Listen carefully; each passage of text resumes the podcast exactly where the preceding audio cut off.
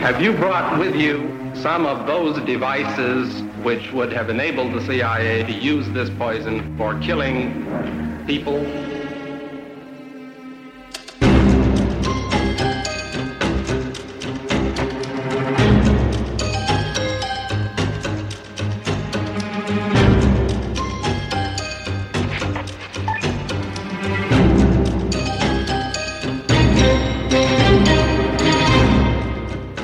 Nu vil jeg være forsigtig øh, med, hvad jeg siger, men jeg må i hvert fald, øh, så må jeg jo risikere fængselsstraf. Jeg har i hvert fald øh, været med til at orientere dem om, at den der aftale fandtes. Så på den ene side har Hjort jo ret i, jamen det har jo været fremme i det, Weekendavisen netop havde beskrevet, det information har tidligere beskrevet øh, del af det. Omvendt er der jo en kæmpe forskel på, at en journalist skriver noget fra nogle hemmelige kilder, sådan øh, mere eller mindre præcist, og så et landets, øh, kan man sige, næsten forsvarsminister, øh, det havde han jo været indtil få måneder forinden, øh, bekræfter det. Så, så det vil klart være min vurdering, at det er en af de ting, Rigsadvokaten har tænkt, det her det er, det er en overtrædelse af 109, også fordi han går ind i, kan man sige, anden del af interviewet og taler om, hvordan der forhandles med amerikanerne om at indlægge selektorer, filtre, således at, øh, kan man sige, danske statsborgere ikke går i det her, den her kæmpe støvsuger, man har sat, sat op. Du lytter til det hemmeligste af det hemmelige. Mit navn er Anders Christiansen, og med i studiet er Christian Kirk Uff.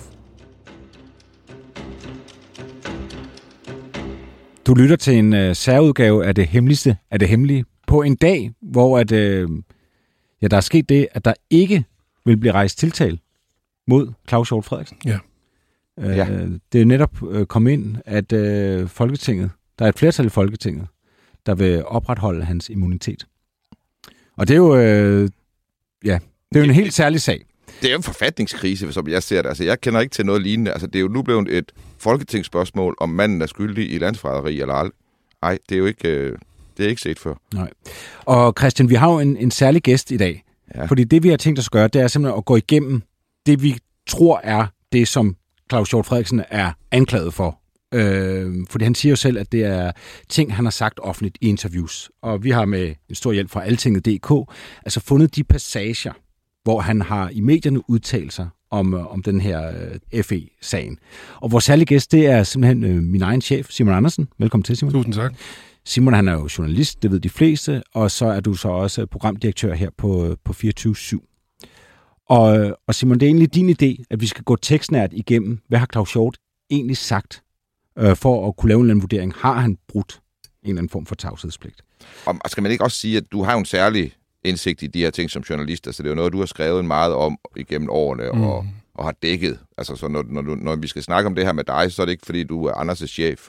Nej, hvad er din forudsætning egentlig for at være med her? Nej, min forudsætning er, at jeg sådan temmelig intenst har dækket, kan man sige, hele FE-sagen siden, at den øh, brød ud i august 2020 med hjemsendelsen af, kan man sige, øh, en række ledende medarbejdere i Forsvarets efterretningstjeneste herunder tjenestens chef øh, Lars Finsten, øh, og som jo dybest set var øh, det, øh, vi nu står med den helt øh, vilde, vanvittige kulmination på, nemlig først, at man vil tiltræde, øh, tiltale øh, landets tidligere forsvarsminister, øh, en næster i tinget, Øh, Venstres mangeårige partisekretær og folketingsmedlem Claus Hjort Frederiksen for at lægge statshemmeligheder.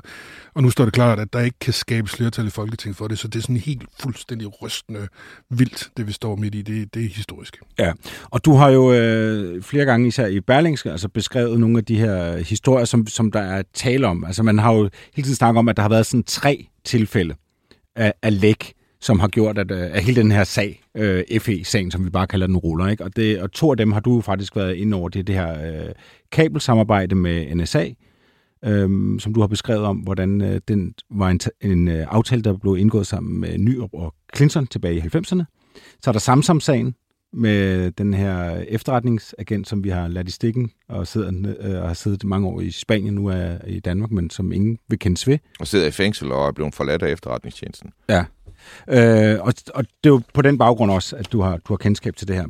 Men, men skal vi ikke lige prøve at lige at tage sådan lige at skære ud i pap, hvad det egentlig er, øh, Claus Hjort er anklaget for. Fordi der står jo her, at øh, det er straffelovens paragraf 109, som, øh, som er den øh, paragraf, han har overtrådt. Hvad, hvad er det egentlig, det går ud på, Simon?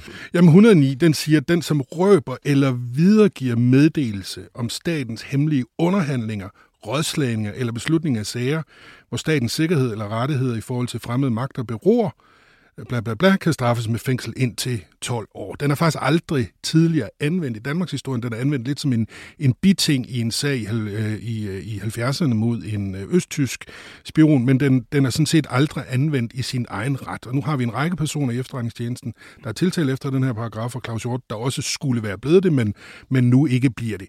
Og det, der er kernen i den her paragraf, det er sådan set ikke, at man straffes for at lægge en statshemmelighed, men at øh, men lægger, kan man sige, forhandlinger om statshemmeligheder med andre magter. Det er det, der er det centrale. Så Claus Hjort ville aldrig være blevet sigtet eller tiltalt for, for efter 109, hvis han bare havde lækket en hemmelighed, men han fortæller om de rådslagninger, forhandler, forhandlinger, øh, Danmark har med øh, fremmede magter, i det her tilfælde USA, og, og det er sådan set det, der er, er kernen i, i tiltalen er, at han øh, ifølge regeringen, Rigsadvokaten, øh, kan man sige, øh, kompromitterer den fortrolighed i efterretningsspørgsmål, der skal være, når Danmark øh, har samtaler, rådslagninger, forhandlinger med, med fremmede magter. Men, men jeg forstår det ikke. Indtalt, aftalen blev indgået under Nyrup. Ikke? Der foregår jo ikke nogen forhandlinger om den aftale.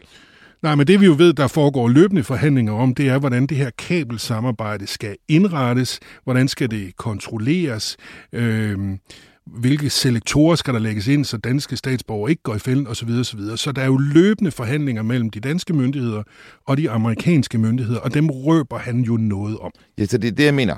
Det er jo ikke, at han snakker om, fordi så kunne vi jo være røget i spjældet allerede nu, hvis det handlede om, at det der kabelsamarbejde, det eksisterer.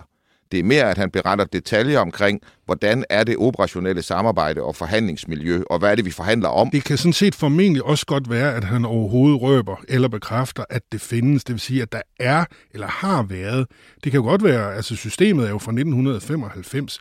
Øh, man kan sagtens forestille sig, at Rigsadvokaten mener, at alene det, Claus Hjort taler om, at man i øh, øh dengang den gang for 30 år siden forhandlet og nået frem til at have en aftale med sådan et system, at det vil være en overtrædelse af 109. Mm. Så det kræver sådan set ikke, at der er sket noget lige nu.